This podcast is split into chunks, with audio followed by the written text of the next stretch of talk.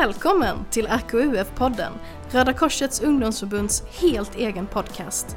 I denna podd lyfter vi samhällets orättvisor, de eldsjälar som kämpar för en bättre värld, samt vad som faktiskt blivit bättre sedan förr. Stoppa i dina hörlurar, för nu kör vi! Hej och välkommen till RKUF-podden. Mitt namn är Michelle Andersson och med mig i studion idag har jag Cecilia Lundström och Tuva Frank. Vem är ni? Och kan ni berätta lite om er själva? Jag heter Cecilia, jag är 28 år, bor i Malmö, pluggar just nu master i kulturanalys på Lunds universitet. Jag har inte varit med i RKUF sådär jättelänge, men eh, det har varit roligt. Jag är väl framförallt engagerad därför att jag, jag började mitt engagemang i Fridays for Future Malmö. Det var så jag träffade Tuva också. Så att ja, jag är klimatengagerad helt enkelt. Oh, och vad är Fridays for Future? Alltså det är en rörelse som startade 2018 av Greta Thunberg som satte sig utanför riksdagen eh, i protest mot eh, att ingenting görs åt klimatförändringarna. Eh, och det gjorde hon istället för att gå till skolan. Så. Eh, och det här blev till en eh, världsomspännande rörelse eh, under väldigt kort tid. Och eh, ja, vi finns i Malmö också. Eh, sitter varje fredag utanför Stadshuset mellan 11 och 1. Spännande! Och du Tuva, vem är du? Ja, tjena allihopa! Eh, Tuva heter jag, jag är 29 år gammal. Jag är folkhälsovetare. Eh, och numera faktiskt student, för jag ska bli folkhögskolelärare. Eh, men jag har liksom hela tiden varit superintresserad av de ekologiska perspektiven på, på social hållbarhet.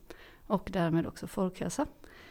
Ehm, och också väldigt intresserad av hur aktivt medborgarskap genom historien har verkat för att vi har just den sociala rättvisan som vi faktiskt har idag och folkhälsan som vi har.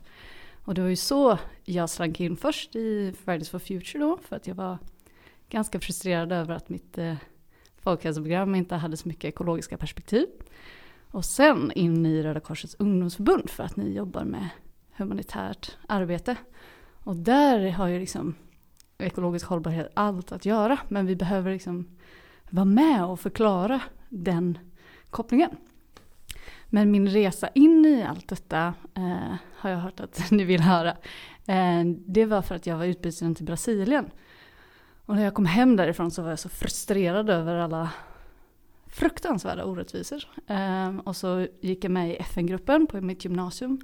Och när jag tog studenten sen så blev jag millenniemålsambassadör för Svenska FN-förbundet. och fick lära mig en jäkla massa om orättvisor i världen. Men blev också ganska frustrerad för att ja, men alla de här sociala hållbarhetsmålen vilar ju ändå på att vi ska ha en ekologisk grund. Och det är ju väldigt tydligt nu från forskningens håll att det går åt fanders med vår ekologiska hållbarhet. Uh. Som du hör, lyssnare, så eh, har vi en miljöspecial idag och vi har två väldigt engagerade och väldigt kunniga med oss idag. Så att, eh, ja, du har ett spännande avsnitt framför dig. Men eh, Tua, nu eh, slängde du omkring dig med massa begrepp. Ekologi, vad, vad är det? Om vi börjar där. Ekologi handlar om eh, eh, miljön vi har omkring oss, om, eh, om naturen och de planetära systemen. Och vi har egentligen nio planetära system som man har tagit fram bland annat genom mycket forskning här i Sverige. Eh, och klimatet är ju ett av de här planetära systemen. Som är de, de ekologiska systemen. Um, så det är ju superviktigt nu att vi lär oss mer om alla de här systemen och framförallt de fyra olika systemen, bland annat biologisk mångfald, där det står riktigt illa till också, då klimatet, och hur det hänger ihop med den ekologiska hållbarheten. Eh, eh den sociala hållbarheten givetvis. Ja, och det andra begreppet som jag tänkte på det är aktivt medborgarskap. Det var inte ett begrepp jag kände till innan jag hade min lilla förintervju med er. Det är ju ett begrepp som blir vanligare och vanligare. Eh, och alltså jag har verkligen försökt att hitta en, en satt definition för det här, för att det eh, slängs ganska mycket med det.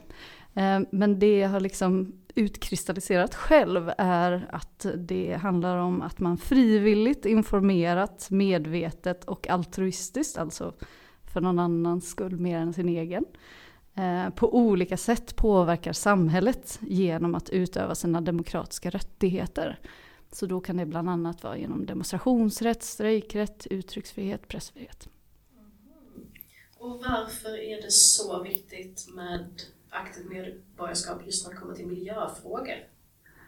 Eh, alltså ett exempel är att utsläppen eh, 1972 till exempel, då hade faktiskt Sverige bjudit in till det första internationella miljömötet i världen.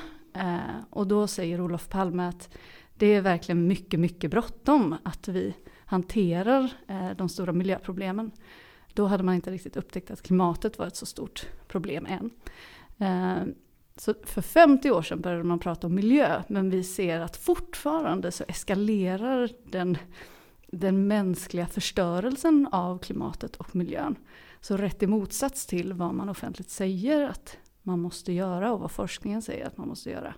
Och ett exempel i Sverige är att vi har haft 16 miljömål fram till 2020, men vi klarade bara ett. Och målet om, om eh, klimatförändringar och målet om biologisk mångfald utvecklas åt fel håll. Eh, så det är ju extremt viktigt att vi som medborgare är ansvarsutkrävande gentemot våra politiker för att se till att vi faktiskt gör det vi säger att vi ska göra och lever upp till internationella avtal som vi har skrivit på, som Parisavtalet till exempel. Så aktivt medborgarskap är egentligen att vi, vi som privatpersoner kan ställa krav på politiker och högt uppsatta som faktiskt sitter på makt. Precis, jag skulle säga att vi, eh, vi eh, vårt agerande som inte bara handlar om våra konsumtionsmönster, alltså handlar det här eller handlar inte det här, och som andra eller samhället ser. Um, ja, runda slängar. Jag tycker det är en väldigt intressant debatt för att generellt sett när man pratar miljöfrågor så pratar man ju väldigt mycket om du kan förändra det här, du ska sluta konsumera, eh, du ska sluta med det här, du ska sluta med det här. Um, vilket i sig absolut är framgångsfaktorer för en bättre miljö. Men jag tycker det här är ett intressant perspektiv att lyfta på det. Um, att aktivt medborgarskap faktiskt är någonting vi kan nyttja. Oh ja, och måste i det här skedet. Vi har väldigt lite tid på oss att göra väldigt, väldigt mycket. På tal om aktivt medborgarskap. Jag eh, vet att eh, RKUF har ett initiativ nu som börjar den här hösten. Ja, eh, vi kommer starta en påverkansgrupp eh, och vi är väl fortfarande lite så här ja, eh, i planeringsstadiet för det. Men eh, det kommer helt enkelt vara en grupp för eh, unga personer som känner att ja, men jag vill göra någonting åt det här eh, och jag kan inte rösta eh, och jag undrar lite hur jag ska göra istället. Eh, så då kommer vi liksom ja, utforska eh, olika sätt och, och, faktiskt påverka. Så. Man får naturligtvis också komma även om man får rösta. alltså, det är inte 18-årsgräns. Eh, så, och det kommer vi dra igång till hösten. Att... Kan du ge några exempel på, på vad ni kommer lära ut? Alltså till exempel så har vi ju pratat om eh, alltså, sådär, diskutera vad kan man liksom göra för att eh, påverka. Alltså att man diskuterar det tillsammans så att det inte är så att någon person skickar ett mejl och någon annan gör en demonstration och som ingen kommer på. Och sen så, alltså, utan så att man koordinerar sig lite grann och gör lite samma saker. Sen har vi också tittat lite på och funderat kring sådär, ja men hur ska man upptäcka att eh, en rörelser, organisation eller ett företag eller så faktiskt inte är så där himla miljövänligt och hur kan man då jobba för att pusha för att få in det på agendan och sådana saker. Så det ska vi titta lite på. Men några praktiska exempel kan ju vara till exempel att man kan skriva ett medborgarförslag till sin kommun. Mm. Eller hur man skriver ett medborgarförslag eller, eller en debattartikel. Eller... Hur man, ja precis, hur man, hur man hur man pratar med folk och hur man hittar, letar rätt på rätt folk att prata med. jag tänker att jag backar bandet lite. Ni pratar om att ni båda är med i Fridays for Future. Um, och det är ju en typ av aktivism. Vad är er syn på aktivism? Om vi börjar med dig Cecilia. Alltså, aktivism är väl för mig helt enkelt eh, Ja, alltså jag, jag tar ganska mycket fasta på det här med aktiviteten. Eh, så, alltså att man gör någonting som är lite mer än eh, bara sådär att man skriver en rad på Facebook eller att man eh, köper ekologiskt eller att man liksom så, utan att man gör någonting för att faktiskt pusha fram en politisk förändring.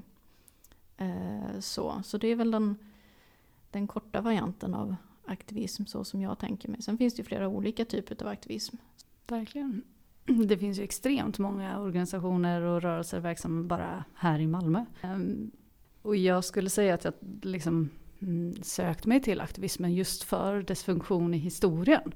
Hade vi haft kvinnlig rösträtt idag utan aktivismen? Antagligen inte. Precis, så att eh, det är ju ofta att man känner sig väldigt liten och att utmaningarna är helt enorma. Men det har både hjälpt mig psykiskt att, att känna att jag kan ta del av ett sammanhang där andra människor också brinner för att påverka samhället. Där jag kan få kunskap om en fråga jag tycker är viktig eller hur man gör för att påverka kring det. Ehm, och i, mitt fall, jag hade ingen i min familj eller bland mina vänner eller i min universitetsklass som var särskilt engagerade. Eh, så det var superviktigt för mig att bara våga ta mig eh, till en kontext som höll på med aktivism.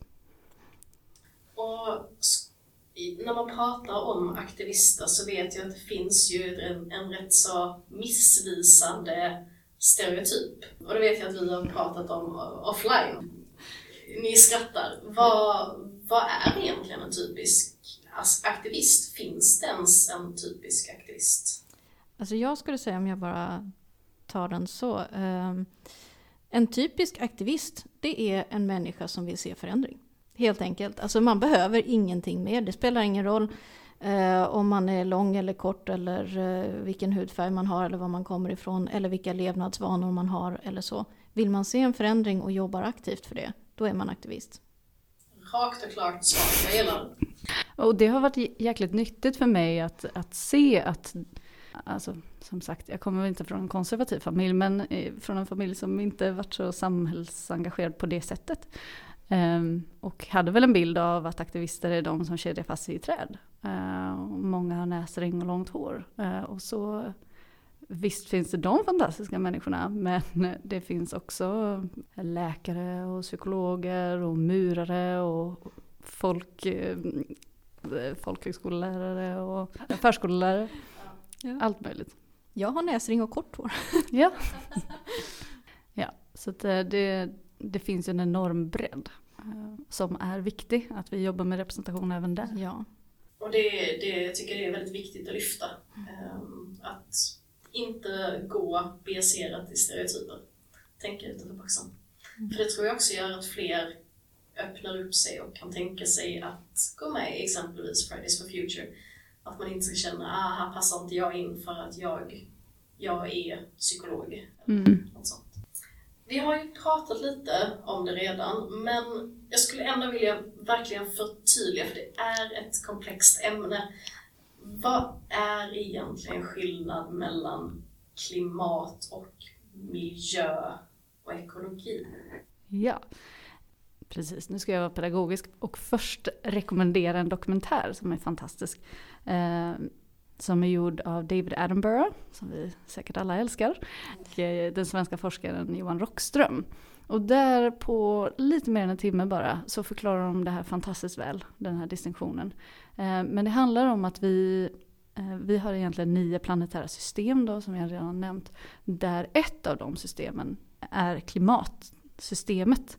Men de här olika systemen samverkar ju givetvis och det är därför också klimatkrisen är så extremt viktig för att uppvärmningen eskalerar väldigt snabbt och vi är väldigt dåliga på att faktiskt sänka våra koldioxidekvivalenter, alltså olika typer av växthusgaser. Och det gör att till exempel förlusten av biologisk mångfald eh, går snabbare och det leder till försurning, det leder till att eh, våra hav blir sämre koldioxidsänkor. Det är viktigt att eh, inte bara prata klimat utan eh, förtydliga att vi har många miljöproblem och inte låta klimatet ta allt, allt scenutrymme. Mm. De hänger ju väldigt tätt ihop också. Så, mm. så att eh, ett sämre klimat gör ju att vi får ett sämre, en sämre miljö och mm. vice versa. Så, så. Jag brukar tänka, det är en väldigt så grov generalisering, men som en liten tumregel så brukar jag tänka att klimatet är det som främst händer uppe i luften ovanför oss. Det är liksom väder och, och ja, men, eh, den typen av naturkatastrofer och grejer. Medan miljön, det är det som främst händer under oss på marken. Alltså det är biologisk mångfald, det är, eller förlust av biologisk mångfald tyvärr. Pratar vi om nu, det är försurning av hav, det är sådana grejer. Det är väldigt, väldigt generaliserande men det är en liten tumregel som man ja. kan ha. Men miljö är para, paraplybegreppet. Ja. Det är därför Miljöpartiet heter Miljöpartiet och inte Klimatpartiet till exempel. Då kommer vi ju vidare till det här ordet klimatkris. Och det är någonting som vi snubblar över varje dag. Eh, ordet klimatkris står över varenda tidningssedel. Men vad innebär egentligen att vi är i en klimatkris? Alltså det innebär ju att vårt klimat förändras på ett sätt som är så snabbt så att det är tveksamt att vi kan hänga med. Eh, det är redan så att många länder i världen kan inte hänga med så som det är idag. Och det här innebär ett stort humanitärt lidande. Och om det fortgår som det går idag så kan vi se ett humanitärt lidande utan dess like. Och det kommer att påverka.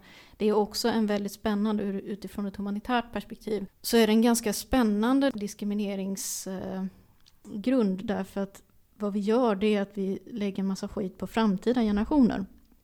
Så det handlar inte längre om att vi bara på något vis förtrycker och eh, slänger skit på eh, människor i fattiga länder eller eh, så, utan det är faktiskt så att vi, vi eh, utökar den här diskrimineringen till att också inne, innefatta kommande generationer.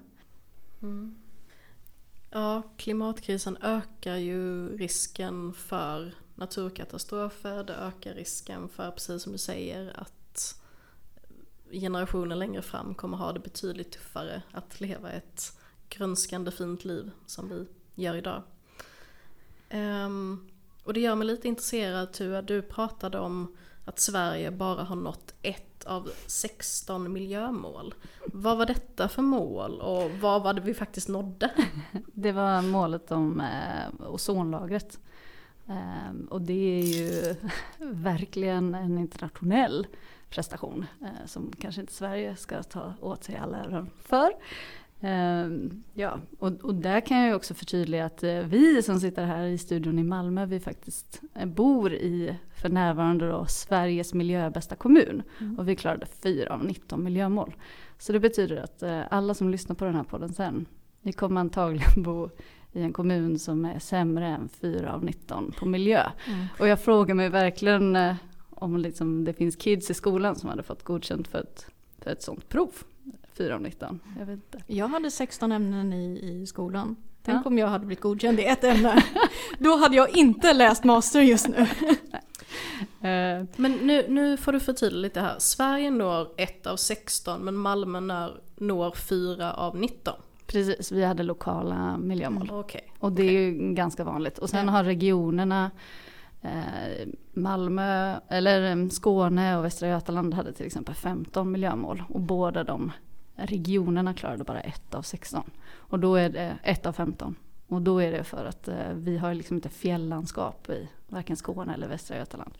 Så det målet togs bort. Så där har man följt liksom den, den nationella standarden. Men vet ni vad jag kom på? Jag sa ju aldrig vad dokumentären jag rekommenderade hette. Så den, går det när man har kul. ja men precis. Eh, den heter Breaking Boundaries och finns på Netflix. Rekommenderar varmt. Super, tack för det. Så Sverige når ett av 16 mål. Vad, vad är nästa steg? Alltså, det, Vi har ju faktiskt eh, tillsammans med eh, Röda Korsets ungdomsförbund nationellt kommit ut med en eh, debattartikel om just Sveriges miljöpolitik och kopplingen till eh, humanitärt arbete som man också gärna får kolla in. Den finns Mm. säkert länkad på våra instagrams och så vidare. Och jag kan länka den i beskrivningen också här Mm. för podden. Ja, tack. Ehm, ja, men där tar vi också bland annat upp att FNs flyktingorgan eh, uttalat har sagt att klimatkrisen är den största utmaningen. Ehm, och för att liksom prata RKUF så är ju flyktingfrågan enormt viktig. Ehm, så, Men också tänker jag om man kopplar tillbaka på det jag sa tidigare, alltså ungdomsfrågan och ung, alltså barn och ungdomsperspektivet. Eh, så RKUF måste ju vara en plattform för unga människor och eh, en av de största orosmolnen för unga idag det är just deras framtid på grund av klimatkrisen. precis. Ja, klimatångest har ju också börjat uppmärksammas att det är ett stort hos just unga. Ehm, vad, vad kan man som individ göra för att påverka? Om man sitter där med klimatångest, vad, vad är nästa steg? Vad skulle ni tipsa om? Jag vet inte om jag får börja med att dra lite mm, snabb statistik på hur utbrett det här problemet med klimatångest faktiskt är. För det är fruktansvärd statistik. Mm. Eh, Det är alltså 75 procent av unga globalt eh, tycker att framtiden är skrummande. 75 procent. Ja, jag vill Eh. mest också på, alltså det här är ju baserat på en undersökning som gjordes med 10 000 eh, barn och ungdomar. Så att man har ju inte, man har ju inte frågat alla barn och ungdomar i hela världen. Det har man inte. Det är fortfarande helt Mm. fruktansvärd statistik. Ja. Så är det ju. Men eh, Ja. ja. för hur man än vänder och vrider på det, om de var 10 000 Ja. och 75 procent, Mm. det är ändå 7500 precis. av dem som har svarat jag mår dåligt. Ja, precis. Och alltså det är ju så här statistik och vetenskap funkar. Ja. Men man ja, frågar alltså inte man alla kan hela inte världen. fråga alla hela världen. Eh, nej, men eh, och däribland i den forskningen så var bland annat Finland, Brasilien, Filippinerna, Nigeria tror jag. Alltså det var väldigt eh, olika länder. Så det är bra forskning. Eh, så. Men eh, 58 procent eh, av de här ungdomarna eh, tyckte att regeringen har svikit dem och framtida generationer. Och det är lite där, eh, det är en viktig infallsvinkel när vi pratar om klimatångest. För det handlar, ja, om att miljö och klimatkrisen är hotande men också att man inte ser att vuxenvärlden och politiken, makthavarna agerar. Och där kommer vi också in på hur vi ska motarbeta klimatångesten. Och det är, dels kan du prata med barn och unga runt omkring dig och ta deras oro på allvar. Man kan eh, lära dem hur man kan påverka makthavare. Till exempel genom vår eh, påverkansgrupp, så det är just det vi vill göra med den. Ehm, man ska också visa som vuxen, jag är ändå 29, jag, är, ju- jag tycker inte att jag är en riktig vuxen men jag är ju en riktig vuxen. Och då gäller det ju liksom att föregå med gott exempel och agera i paritet med hur allvarligt det ekologiska läget och klimatläget faktiskt är. Det har gått alldeles för långt för att säga att jag källsorterar eh, räcker eller jag har en elbil räcker. Det gör tyvärr inte det. Vi, vi behöver alla se till att eh, våra politiker och våra kommuner då som inte är bättre än 4 av 19 miljömål se till att föra en politik inom planetens gränser. Så om du har klimatångest så är inte lösningen att sätta dig ner och gråta och, och ge upp. Utan tvärtom använda ditt aktiva medborgarskap till att förändra. Precis. Jag skulle Mm. säga hitta en kontext. Mm. Eh, till exempel en, en organisation, RKUF eller en annan organisation. Och se till att agera tillsammans med andra. Sen ska man också komma ihåg att eh, alltså om man har jättemycket klimatångest och tycker att det är liksom svårt att, att fungera så, Mm. så ska man också komma ihåg att oavsett hur illa det ser ut så finns det ingen som kan se, se in i framtiden. Och människan har gjort det omöjliga förr. Så är det verkligen. Nej, men alltså det, det är bara att titta på hur, hur debatten gick en vecka innan Sovjet föll. Det var ingen som trodde att Sovjet skulle falla. Det var ingen som trodde att Ber- Berlinmuren skulle falla. Så det är verkligen så att alltså, vi har ju Mänskligheten har ju visat gång på gång att vi kan göra det omöjliga. Mm. Men då krävs det också att folk faktiskt går ut och gör det omöjliga. ja. Eh, det är ju det som är liksom nackdelen. Man pratar ju ofta om att det finns två olika typer av hopp och ett är det passiva hoppet och det är liksom kopplat till statistik och chans. Och, Man, man, sitter, man sätter sig, lutar sig tillbaka och tänker att det här ordnar sig. ja men det är precis, liksom politiken löser det. Marknadsekonomin Ja. löser det. Eh, och så köper man sina ekotomater och stoppar dem i sin tygpåse och går hem och tittar på TV. Men det finns också det aktiva hoppet där du ser framför dig vilken värld du vill ha och ehm, aktivt verkar för att se till att det ska hända. Och jag menar faller vi till föga för det passiva hoppet då, då är ju också statistiken lägre att förändring kommer ske. Så se till att vara en del av lösningen även om du inte har hela lösningen. Väldigt, eh, väldigt sant och väldigt eh, kraftfullt. För jag håller helt med. Det, är, det sämsta vi kan göra nu är att ge upp och bara förlita oss på att det kommer lösa sig, för det kommer det inte. Det tror jag vi alla är överens om.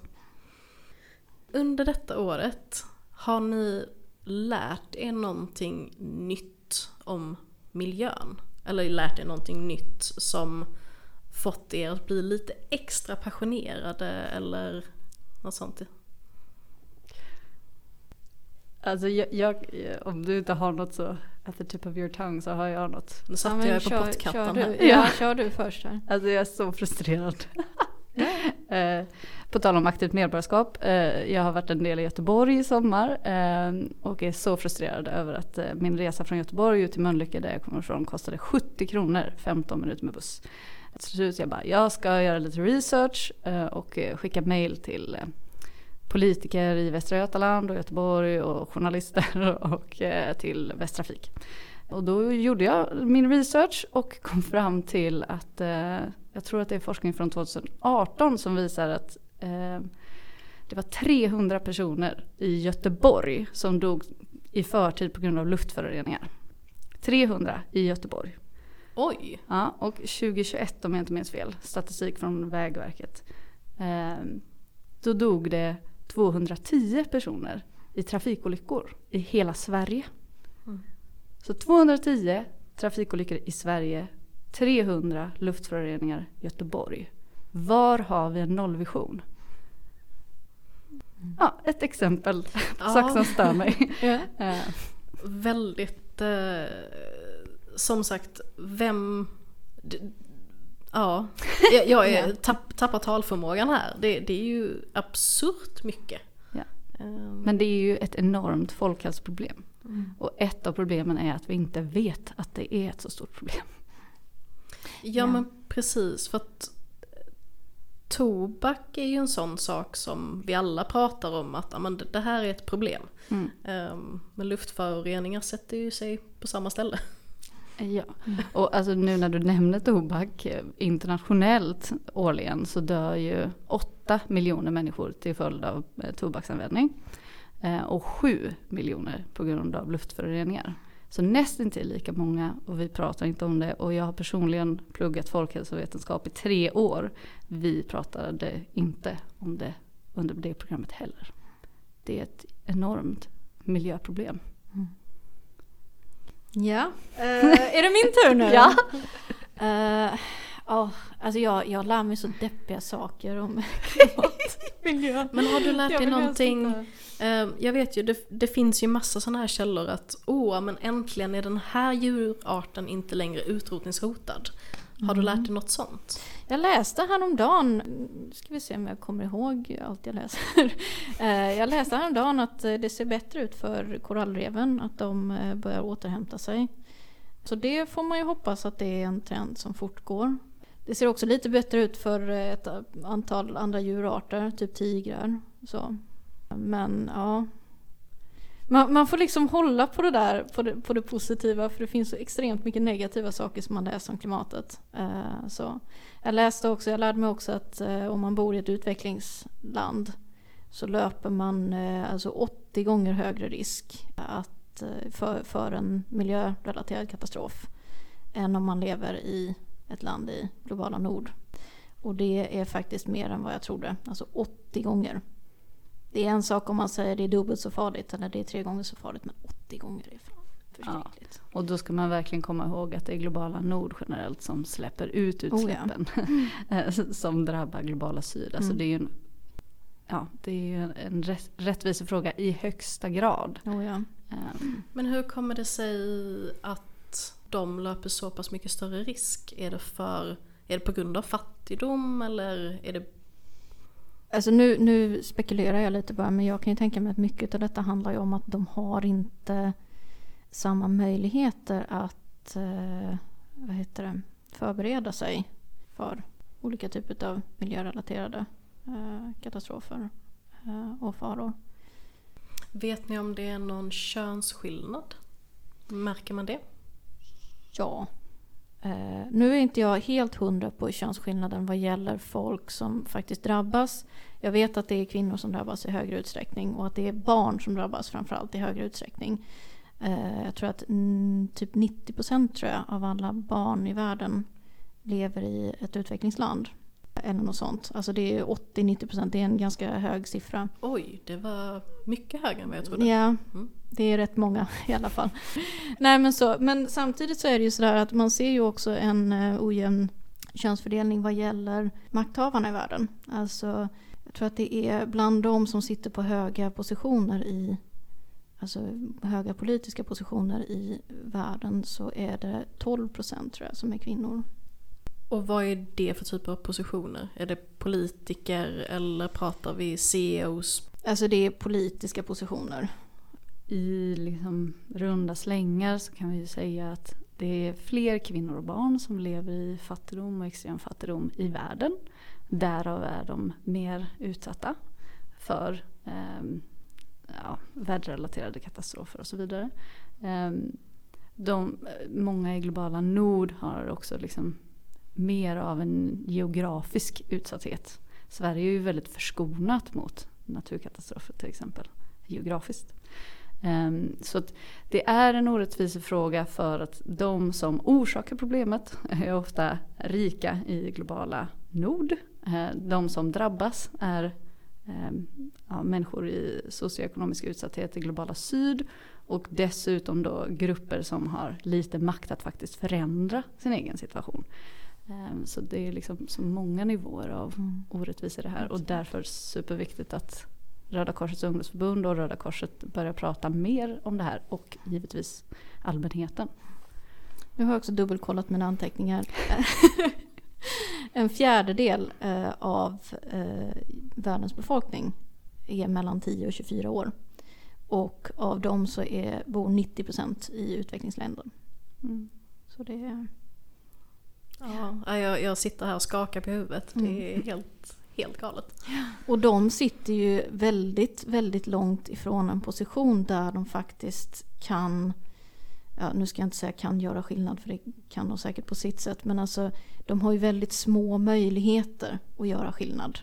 Så det är därför som ja, till exempel RKUF eller ehm, ja, andra rörelser i det globala nord faktiskt lyfter deras röster. Så. Verkligen. Och alltså, jag har ju personligen bott i Brasilien eh, som eh, ja, med skogsskövlingar i Amazonas och eh, ja, det, det, är mycket hemskt miljökopplat som, som händer där. Men eh, kopplat till liksom varför jag håller på med aktivism är ju mycket på grund av mina upplevelser där. För att jag vet, vet first hand att eh, Eh, på demonstrationerna Fridays for Future arrangerade där så vi blev, blev vi övervakade av militärpolis med stora vapen.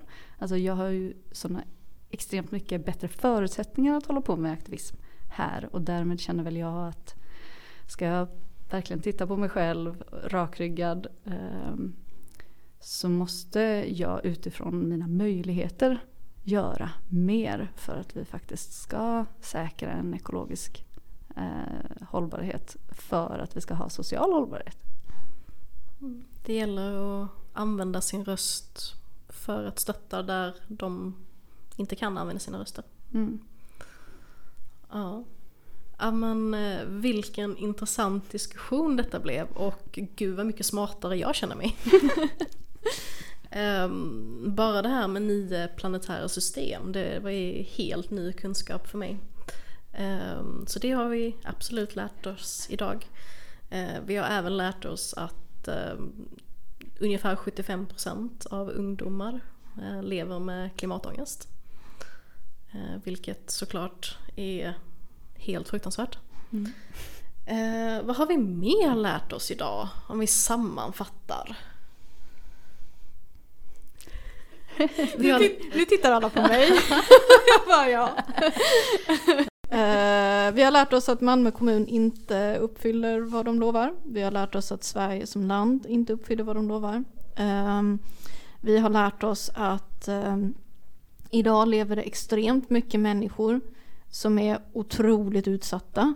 Eh, som inte har samma möjligheter som vi har här i Sverige att eh, höja sina röster. Och att ja, men, de behöver någon som hjälper dem. Och deras röster måste höras. Och någonstans är det sådär att om vi, om vi kan hjälpa dem att höja sina röster, då ska vi också göra det. Aktivt medborgarskap. Aktivt medborgarskap. Aktivt hopp. Aktivt hopp. Ja, så. ja. Ehm, jag satt här och funderade på en så snitsig slutkläm där man liksom tar Röda Korsets ungdomsförbunds ehm, kan man säga slogan om att hindra och lindra mänskligt lidande. Uh -huh. Och liksom ja, men verkligen trycker på att så här, för att både kortsiktigt och långsiktigt kunna jobba med att hindra och lindra mänskligt lidande så måste vi prata mer om det allvarliga läget för miljön och klimatet. För att lindra klimatångest bland unga mm. svenskar idag. Mm. Um, och för att se till att hindra lidande i framtiden. Och för att faktiskt globalt respektera och stå i solidaritet med de som redan drabbas enormt mycket av den ekologiska krisen och klimatkrisen. Ja men det var en jättebra slutkläm. Eh, ja men definitivt att få leva i en bra värld är väl definitivt en mänsklig rättighet. Mm, ja, rätten till liv, rätten ja, till hälsa. Precis. Det är ju mänskliga rättigheter. Absolut. Uh, hur ska vi göra det utan att säkra förutsättningar för hela vår existens? Ja, och med de orden uh, tror jag faktiskt att jag uh, tackar enormt för er tid idag. Tack så jättemycket Cecilia och Tua. Tack själv. Tack så hemskt, hemskt mycket. Ja. Jag hoppas att du som har lyssnat har lärt dig lika mycket som jag har gjort. Ha det bra till nästa gång. Tjingeling! Hej då! Tack för att du lyssnade. Glöm inte att trycka på följ eller prenumerera-knappen i den poddtjänst du lyssnar på för att inte missa när vi släpper nytt avsnitt. Vill du nå oss så går det alltid att mejla podd.rqf redcross.se Kanske har du tips på avsnitt du gärna hade velat höra eller andra inspel. Tills nästa gång, ha det bra!